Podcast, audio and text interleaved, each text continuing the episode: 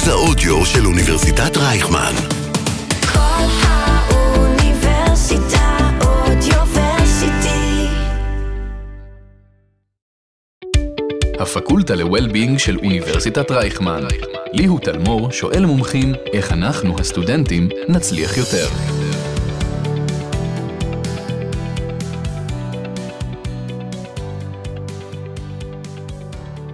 מה קורה, מה העניינים? ברוכים הבאים לעוד פרק של הפקולטה ל-Well-being. היום אנחנו נעסוק אה, בנושא שרלוונטי לכולנו, כולנו מאוד אוהבים, שזה האוכל שלנו. והיום נבין כמה הוא רלוונטי אה, ל-Well-being שלנו, בעיקר אה, כסטודנטים שגרים לבד, שעושים תקופות מבחנים, נראה שאנחנו אוכלים אה, דברים שדווקא ממריצים אותנו, בדיוק כשאנחנו רוצים להתרכז. אה, אז כדי לענות על כל השאלות האלה ולתת לנו את התשובות והדרכים הנכונות להתמודד, הבאתי מישהי שהיא מומחית בתחום, קוראים לה עינב ברגר שמש. היא עובדת מזה 25 שנים כדיאטנית קלינית, בעיקר בתחומי ספורט, היא עבדה במכון וינגייט, במחלקה לרפואת ספורט, היא עבדה עם אה, חבר'ה מהסגל האולימפי, היא נשואה לאפי, יש להם ארבעה ילדים מקסימים. בעבר עינב הייתה חלק מנבחרת ישראל בשחייה, וכיום היא לוקחת חלק בטריאטלונים, ואפילו עשתה חמש תחרויות של אה, איש ברזל, שזה בעיניי על אנושי ומטורף. אז מה שלומך עינב? מצוין, אחרי ריצה. אחרי ריצת ריצה? בוקר, כן. וואי, שעה וחצי. האנשים שיש להם את הכוח לעשות ריצת בוקר, זה מבחינתי עולם. אני חובבת זריחות. אז אפשר להגיד שאני רואה את הזריחה לפחות 4-5 פעמים בשבוע. האמת שזו סיבה טובה לעשות ריצת בוקר, אתה רואה? ממש. תראי, אני אשמח לשמוע, אה, בסוף אנחנו מדברים פה על, אה, על well-being והתפיסה שלו, ואני חושב שזה מאוד מתכתב עם, אה, עם אה, תזונה. אני אשמח לשמוע איך זה מלווה אותך בחיים האישיים שלך, בכל זאת עשית אה, אה, חמש תחרויות של אה, איש ברזל, אני בטוח שצריך כלים מסוימים כדי לעשות את זה, אז איפה זה תופס אותך? טוב, איש ברזל, האמת היא שזה משהו שעשיתי אחרי גיל 40. זה איזושהי מתנה שלי לעצמי. אבל uh, החיבור שלי לספורט התחיל הרבה הרבה לפני. אני מגיעה מבית שהספורט הוא חלק ממנו, וגם התזונה הנכונה. אימא שלי הייתה טבעונית, לדעתי לפני משהו כמו 40 שנה. יואו, זה, זה כאילו הכי לא נפוץ שהיה. אני חושבת שהיא, פעם זה היה על סף... בתחושה אה, שלי, היא הייתה הראשונה בארץ. כן, האמת היא שיכול להיות מאוד, זה ש... אם בעבודת לא שורשים ראשונה, אז, לא היה... אז בין, בין הראשונים ללא ספק. אה, עבודת שורשים, בוא, אני מבוגרת, לא עשו עבודת שורשים. לא, אני לא. יודע מה, אולי ילדים. אבל אה, כן, אז התזונה ליוותה אותנו תמיד, וגם הספורט. אה, ספורט היה חלק מהבית. ולעולם הטריאטלון אה, חברתי, בוא נגיד, כשאבא שלי היה בגיל 40 ועשה טריאטלון פעם ראשונה, והדביק את כולנו בחיידק הזה.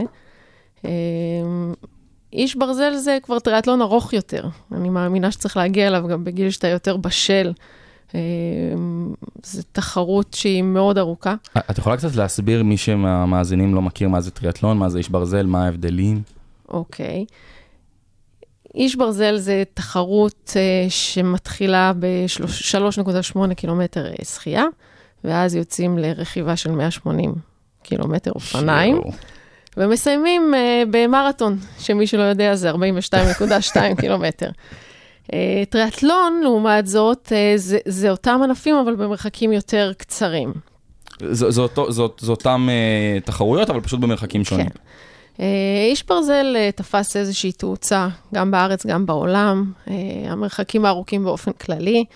אה, זה ענף שצריך לתת לו את הכבוד שלו, זה לא משהו שאפשר לקום בבוקר ולהגיד, אני רוצה, צריך להתכונן, צריך לרצות, זה בוודאי, צריך כן. לרצות ולרצות ממש. כן. אה, אבל יש דרך, יש דרך גם מבחינת הכנה של הגוף, יש דרך מנטלית ויש גם דרך תזונתית אה, לא מבוטלת. זאת אומרת, זו תחרות שגם אם יש לך רגליים מאוד מאוד טובות, אם לא תאכל ותשתה, אתה לא מסיים את התחרות הזאת. ויש לא מעט אנשים שחוו את זה בצורה הזו, אני לא, זה התחום שלי, אז לפחות בקטע הזה. כן, את כבר אה, מנקודת זינוק טובה יותר. אני מנקודת זינוק טובה יותר, אני מאוד ממושמעת, זו תחרות של משמעת בעיקרון. אתה, אם אתה מתפתה בשלב מוקדם של התחרות, אה, להעלות דופק, לעשות את החלקים הראשונים מהר מדי, אתה משלם על זה מחיר אה, יקר. גם 4-5 שעות אחר כך, לתוך כן. התחרות. כן. אה, זה סיפור ארוך. זה, זה ממש, אני, מבחינתי זה נראה ברמה על-אנושית לעשות את הדברים האלה. אז קודם כל, כל דבר הוא אנושי, אה, אבל צריך לעשות דרך, אתה לא קם בבוקר ו... ויוצא לתחרות. צריכה להיות איזושהי הכנה. אני, ההכנה שלי הייתה עשיתי מרתון כמתנה לעצמי, אה, אחרי שסיימתי ללדת את ארבעת ילדיי המהממים, וכשסיימתי את המרתון אמרתי, אוקיי, אחרי שנלחמת בדבר שהכי קשה לך, כי אצלי הריצה זה החלק הקשה, אה, אז עכשיו את מוכנה לשלב הבא. ואז נרשמתי לתחרות הראשונה. אה, אני מאוד אוהבת את הדרך של איש ברזל, זאת אומרת, זו דרך אה, שנבנית. ו... ומכיוון שכל כך נהניתי, אז לא סיימתי אחרי תחרות אחת, ו... ובאמת צלחתי כבר חמש החיידק תחרות. המשיך, אה, לעשות את החיידק שלו. המשיך כי הוא הפך להיות איזשהו, איזושהי דרך חיים, למען האמת. כן. וזה אולי קצת מחבר אותי לשאלה שלך, של ה-well-being, אה, שאני חיה ככה, זאת אומרת, אני על בסיס יומי עושה איזושהי פעילות, אם זה שחייה, ריצה, אופניים, יוגה, כוח, משהו שהוא מאוד מאוד חשוב לשלב גם uh, בענפים האלה. משתדלת לאכול נכון, מלמדת אנשים לאכול נכון, אה, משתדלת גם לבשל ככה בבית לילדים שלי.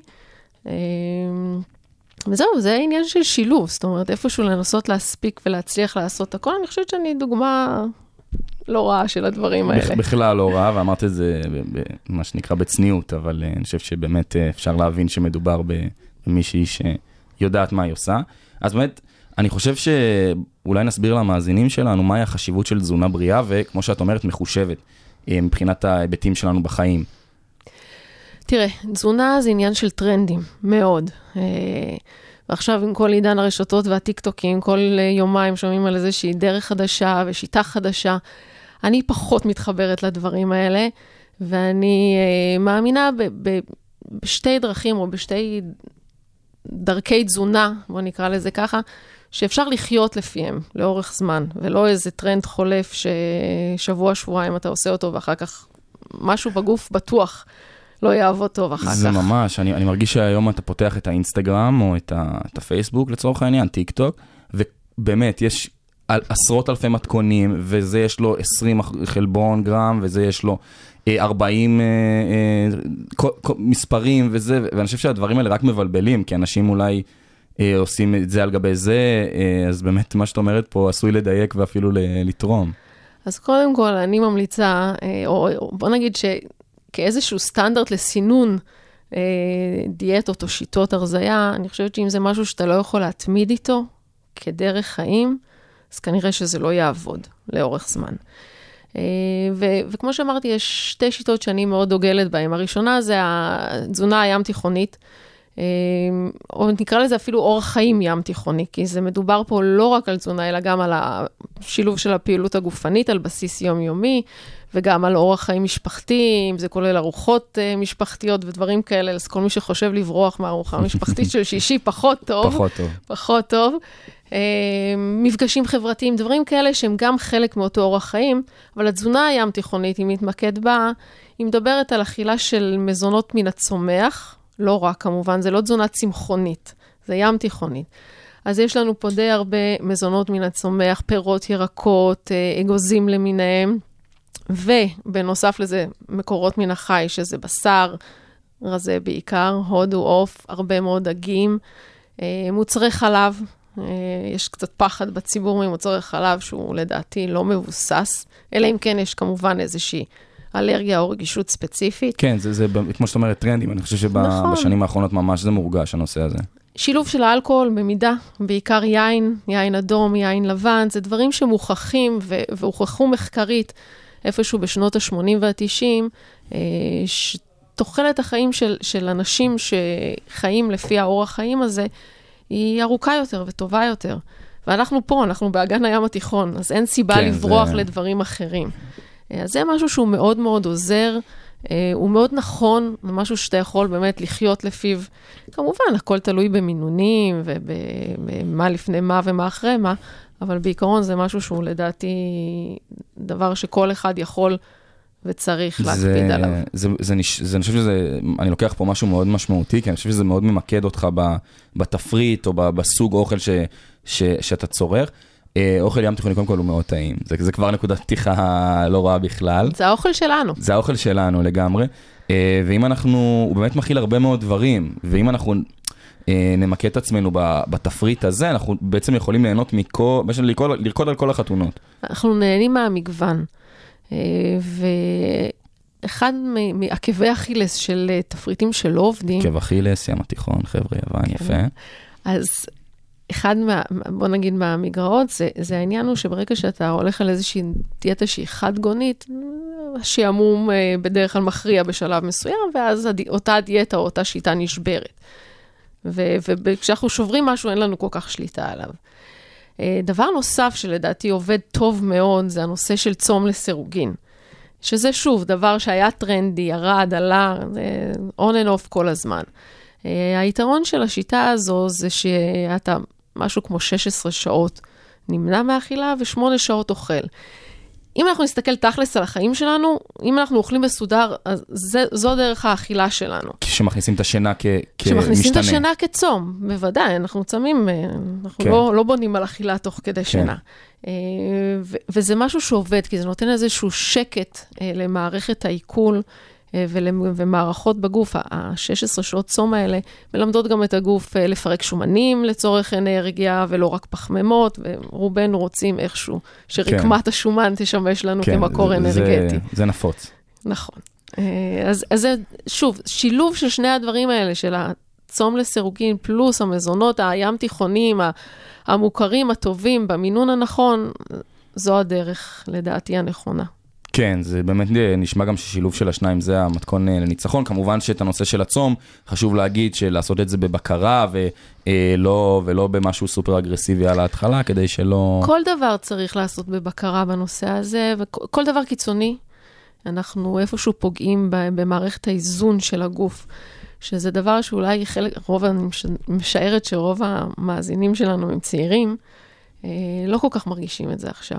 אבל זה דברים שאנחנו פוגעים במערכת איזון והוויסות של הגוף, שומעים את המחיר אחר כך. כן, אה, זה... וחבל. זה, זה מגיע אחרי זה. אז באמת, כמו שהזכרת, רוב המאזינים שלנו הם אה, צעירים וסטודנטים בפרט, אנחנו נקראים הפקולטה ל-Well-being. ואני רוצה לדבר על תקופה מחרידה ונוראית בחייו של סטודנט, שהיא תקופת המבחנים.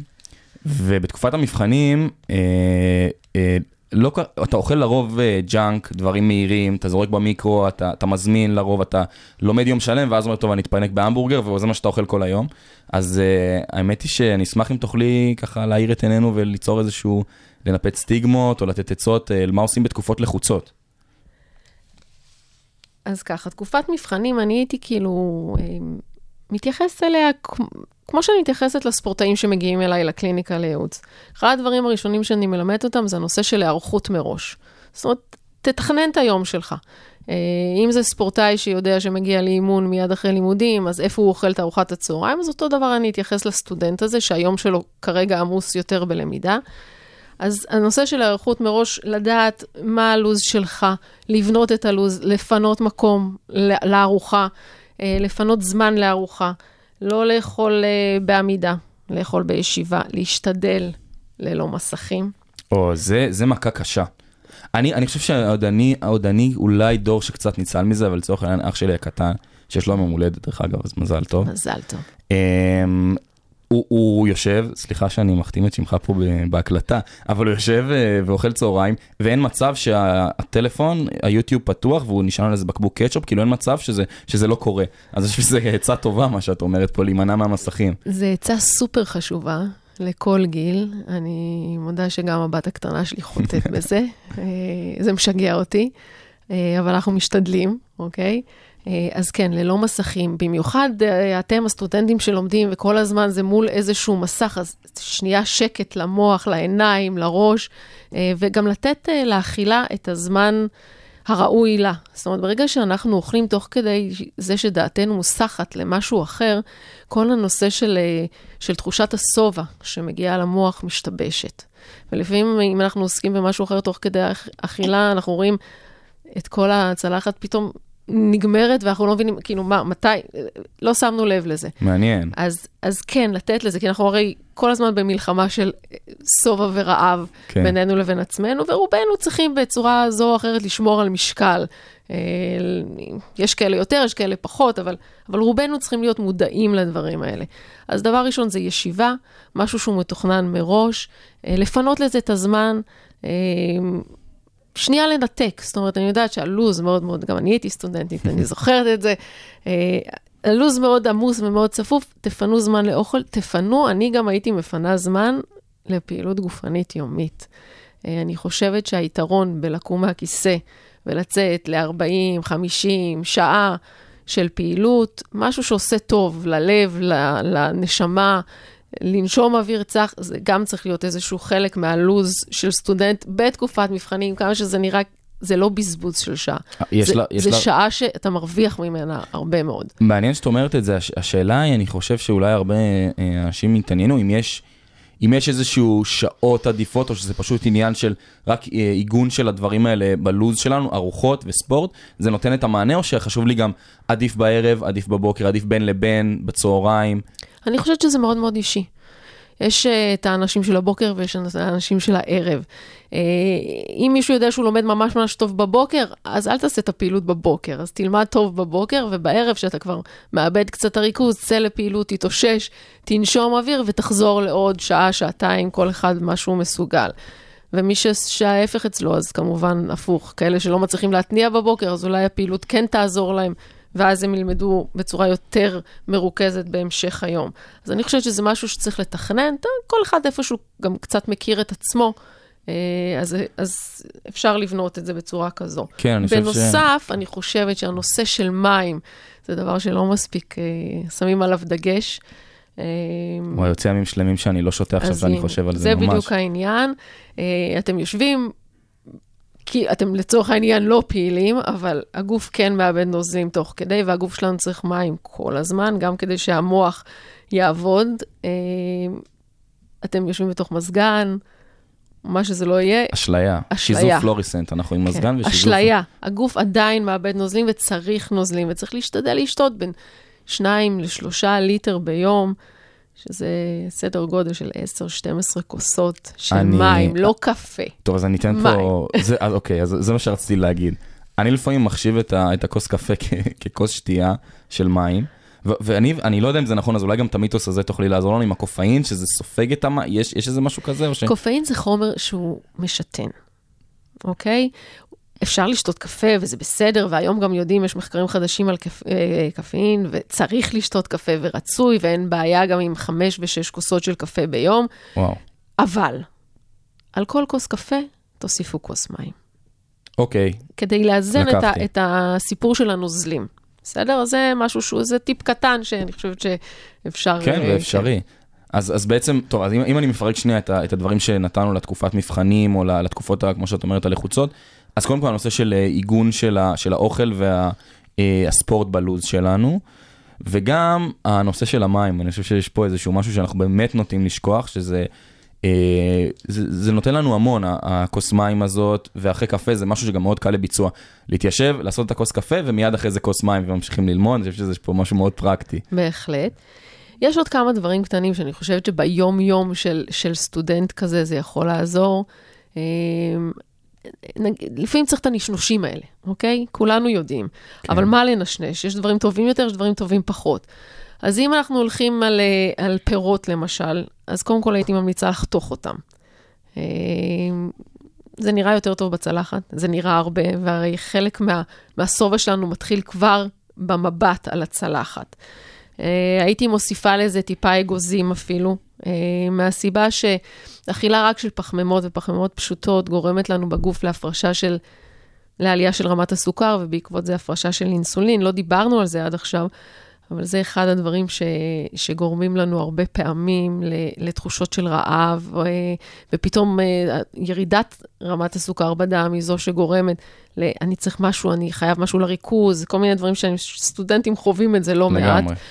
Uh, ולכן ברגע שאנחנו תמיד נשלב את הפחמימה עם מרכיב אחר, אם זה אגוזים שיש בהם יותר שומן, אם זה חלבונים, אה, כמו למשל אה, אצבעות גבינה, כמו למשל חטיפי חלבון שהייתי חותכת אה, לקוביות קטנות ו- ושמה את זה ככה בין, ה- בין הענבים על הצלחת, אז זה יכול להיות שילוב טוב. כי ברגע שאנחנו אוכלים מכל אבות המזון ביחד, אנחנו שולטים הרבה יותר בהפרשת הסוכר, בהפרשת האינסולין שבא בעקבות הסוכר.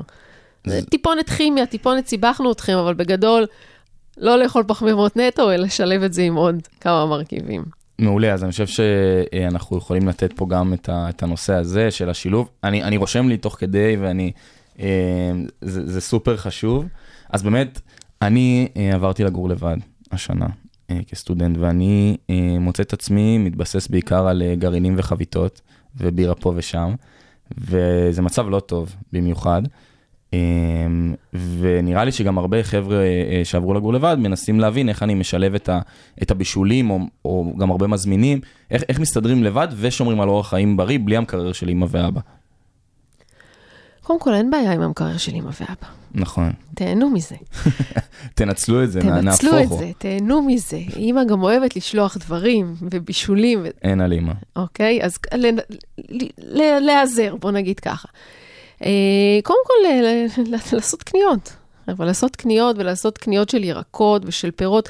שוב, היום אה, כל נושא הקיימות נכנס ככה קצת אה, למודעות הרבה יותר גבוהה ובצדק. אה, ואם תראה אנשים באירופה, יש לי בת שגרה בפריז, אה, וללכת שם אה, בסופר, אז אתה רואה שאנשים קונים עגבנייה אחת, מלפפון אחד, קונים מה שצריך לאותו יום. אם היינו מתנהלים ככה אה, ביום-יום שלנו, אז המצב היה יותר טוב. ו- וזה בדיוק מה שסטודנט שגר לבד, או עם כמה שותפים צריך לעשות, הוא צריך לקנות לעצמו אוכל ליום או ליומיים.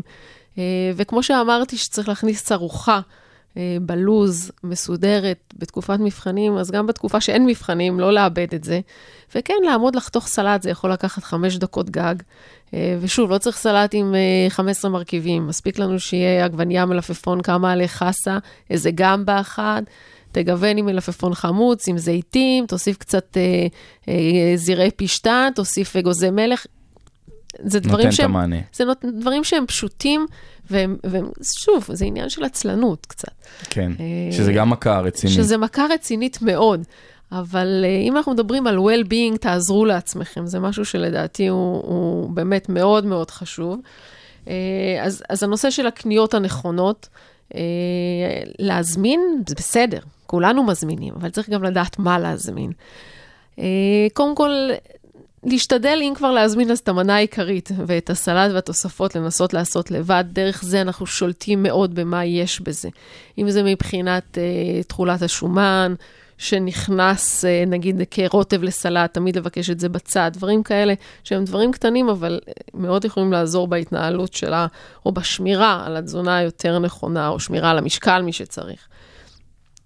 זה נקודה ממש מעניינת, אני חושב ש... באמת שתמיד אנחנו מזמין- נגיד מזמינים המבורגר לצורך העניין, אז אוטומטית אנחנו מזמינים צ'יפס.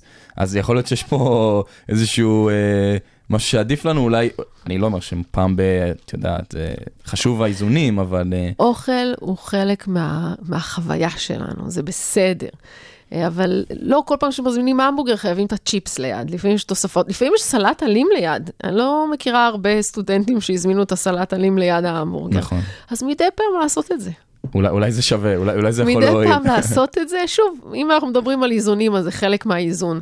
או לחילופין, הזמנת את ההמבורגר, תאכל אותו רק עם הלחמניה שלה למטה ולא עם הלחמניה שלה למעלה. זה גם דרך לשלוט. שוב, אנחנו בדרך כלל, באכילה שלנו, כולנו חוטאים בזה שאנחנו אוכלים יותר מדי פחמימות. אה, אם נשים לב לזה ונצמצם את הפחמימות, כמות החלבון שאנחנו אוכלים היא בדרך כלל בסדר. שוב, אני אומרת משהו בהכללה מאוד מאוד מאוד גדולה, אבל לרוב זה בסדר. צרה הגדולה של כולנו זה הפחמימה. הפחמימות, כן, מאוד נגיש, מאוד ממכר, מאוד כיף, שזה, שזה בסדר באיזשהו מקום, אבל... ה- שוב, איזון. איזון, זה, זה כל המשחק. Um, יש, יש סוגי מזון uh, שאת uh, ממליצה לאכול לפני מבחן, לפני uh, איזשהו אקט שהוא דורש מאיתנו ריכוז מאוד מאוד גבוה? תראה, המוח שלנו זה אחת הרקמות הכי מפונקות בגוף. המוח משתמש אך ורק בפחמימות לקבלת אנרגיה. טוב, זה מסביר למה אנחנו כל כך אוהבים פחמימות. נכון. אה, אז לפני מבחנים, כן, הייתי, הייתי מתנהלת כמו לפני אימון. הייתי אוכלת את הפחמימה, אולי היחסית הפשוטה יותר, משלבת עם איזשהו חלבון עדין.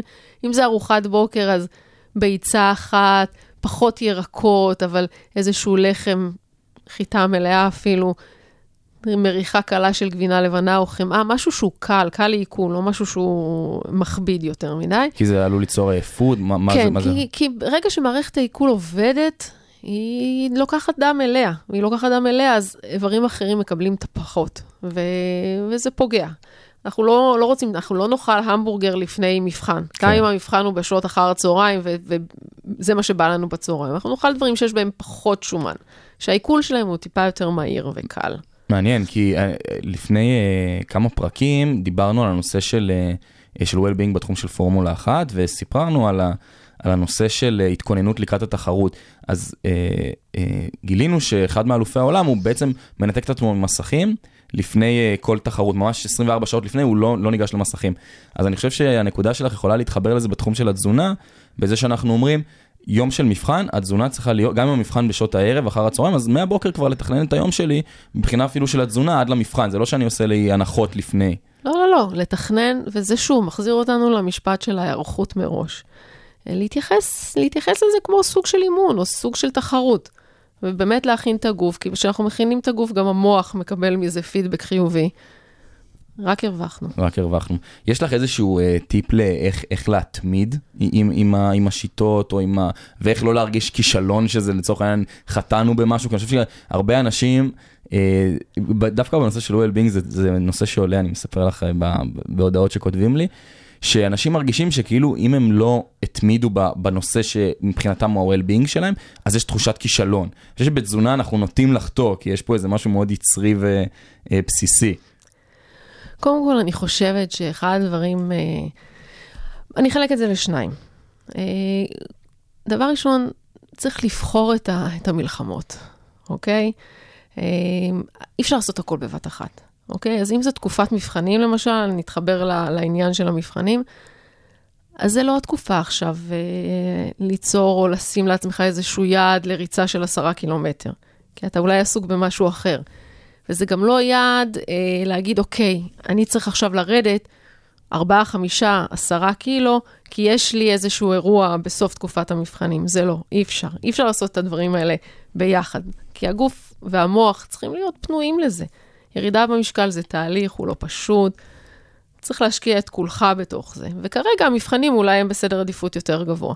אז אני אומרת, צריך לבחור אה, את הדברים, ו- והרבה פעמים סטודנטים ש- שהגיעו אליי ואמרו לי, מה, יש לי תקופת מבחנים, עכשיו אני בטח אעלה במשקל וזה, אז לא. אז בואו נשים איזשהו יעד לתקופת המבחנים. יעד לתקופת מבחנים יכול להיות שמירה על משקל. נשקלנו בתחילת התקופה, נשקל, שוב, לא באובססיביות. אחת לשבוע, אחת לשבועיים. אם בסוף התקופה שמרנו על המשקל, זו הצלחה גדולה. מין יעד שלך עם עצמך ב... ברור, היעדים צריכים להיות תמיד שלך עם עצמך, להשתדל לנתק את עצמך מיעדים סביבתיים. שוב, לא תמיד זה אפשרי, אבל אם זה תלוי בך, אז כן.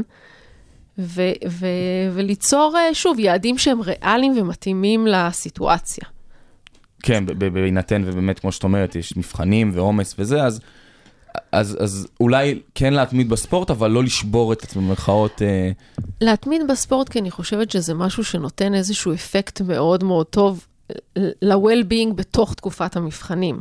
לא כאיזושהי מטרה עכשיו של אה, לרוץ יותר מהר, או מטרה של לרדת במשקל. שני, שתי המטרות האלה הן מאוד כן. חשובות, אבל בואו נעשה אותן אחרי. בואו נבנה את זה בצורה אחרת.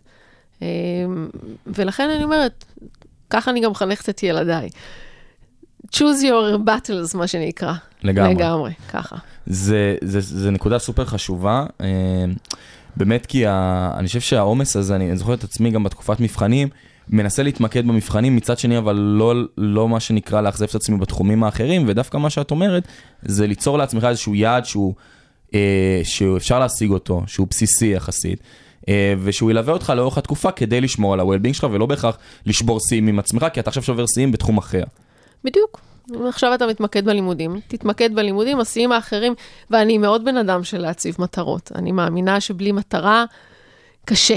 אה, אם זה מטרות בספורט, אם זה מטרות שהן קטנות ומטרות שהן גדולות, אם זה מטרות קטנות ש, שבונות אות- אותך לקראת מטרה שהיא גדולה יותר, אבל צריך לדעת מתי. מתי? אה, מתי. הטיימינג זה משהו שהוא מאוד מאוד קריטי וחשוב פה. אז אני אשאל אותך בחוויה האישית שלך, האמת על מה שאמרת עכשיו, מה, מה היה הטריגר שלך ל, ל, ל, לעשות איש ברזל? ככה ב- ביום בהיר אחד, את אומרת שזה החיידק המשפחתי, אבל בסוף כן צריך לקבל את ההחלטה לקום בשעון מעורר ו- ולהתחיל לרוץ. אז ככה, קודם כל, זה, זה היה במשפחה, אבל אף אחד לא עשה איש ברזל במשפחה לפניי. או, רגע, אחריי- בוא נשים נקודה. אחריי כבר עשו, אבל לפניי אף אחד לא עשה. זה לא ייקחו לך. אוקיי? אמ, אמרתי לך, אני, אני עשיתי מרתון, אה, כי זה היה הדבר שהיה לי הכי קשה, וכשסיימתי אמרתי, אוקיי, עכשיו את ראויה להסתכל על היעד הבא. אמ, זהו, ו- ויש לי מאמן מדהים שמלווה אותי, שזה גם אח שלי, אה, אבל הוא מספר אחד. והוא מכיר אותי, ושוב, הכל הוא מאוד מאוד אה, הגיוני ו- ומאוזן וריאלי, וזו הסיבה שלא, בוא נגיד ככה, נשרפתי. זה כן. ענף שמאוד קל להישרף בו. כן, זה נפוץ בענף הזה שאנשים מתחילים מאוד, ו... גם מתחילים, או גם עושים תחרות אחת ולא רוצים לראות את האופניים יותר. וואלה. אה, ואני, אחרי שסיימתי תחרות, כבר היה לי ברור שאני אעשה עוד מדהים. אחת ועוד אחת, ועוד, ולא להגיד ש...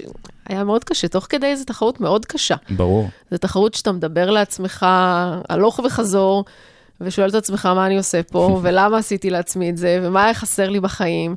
אבל האדרנלין ותחושת ההישג אה, בסוף אה, תחרות כזאת היא בלתי נתפסת. כמה זמן מתכוננים לדבר כזה מראש?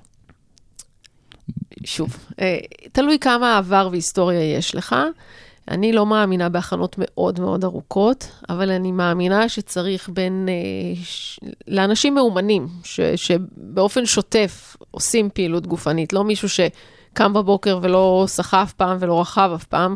אנשים כאלה צריכים לפחות שנה עד שנתיים, לדעתי, אבל אנשים מאומנים יכולים בין 16 ל-20 שבועות של הכנה מסודרת ומדויקת לעשות תחרות בצורה טובה מאוד. כן, וחשוב הליווי, כמו שאת אומרת, עם אח שלך המאמן. חשוב ליווי, כי גם פה, כמו בתזונה, יש הרבה טרנדים ויש הרבה תוכניות אימון שרצות ברשת, ואתה צריך לדעת מה מתאים לך.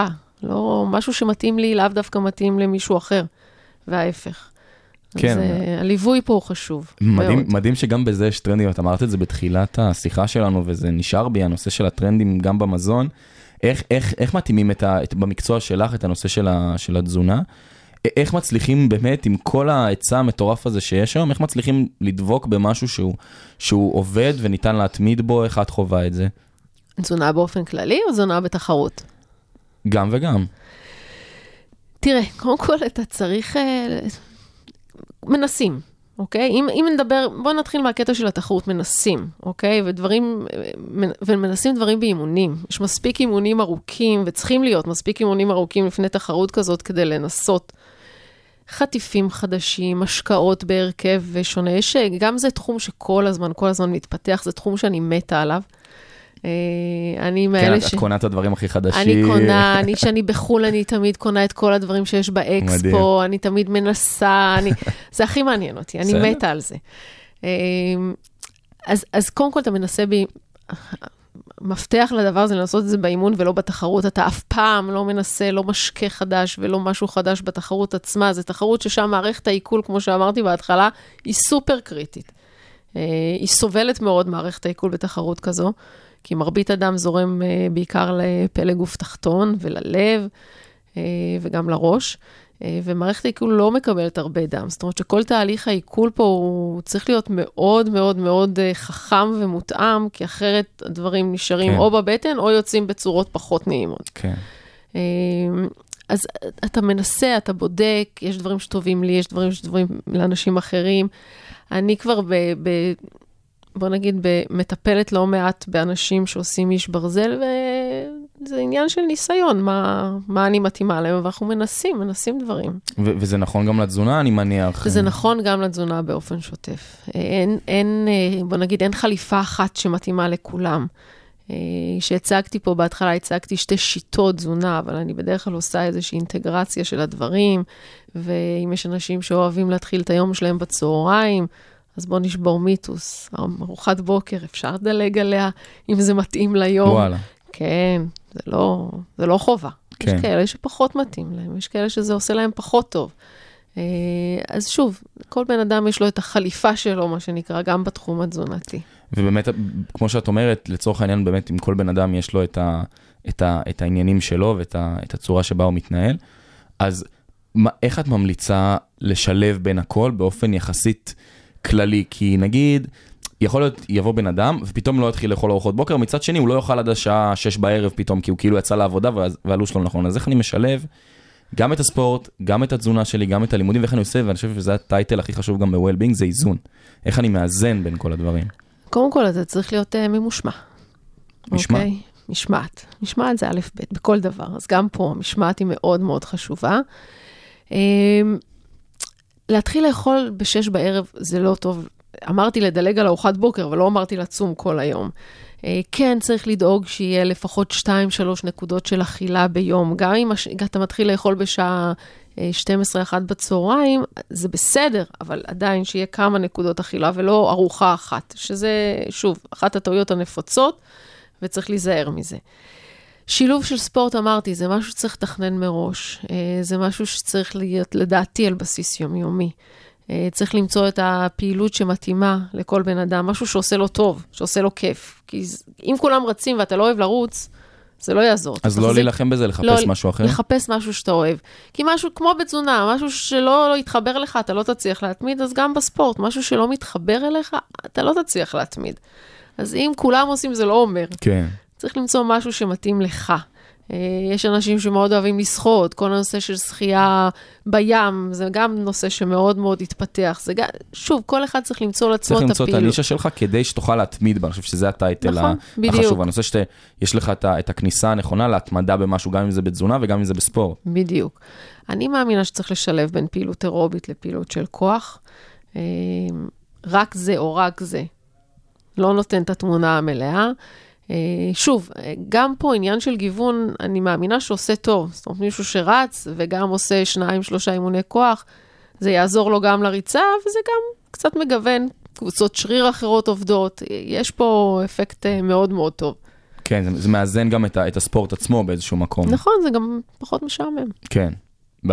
שגם שעמום, אנחנו יודעים שזה משהו כן, שיכול זה, לשבור. זה נפוץ. נגיד, אני מכיר מישהו שהוא הוא לא יכול להיכנס לחדרי כושר. הוא אומר, זה משעמם לי ברמה לא נורמלית. ואז הוא מצא את הקרוספיט, ופתאום הוא בקרוספיט, זה, זה מה שכאילו תפס אותו.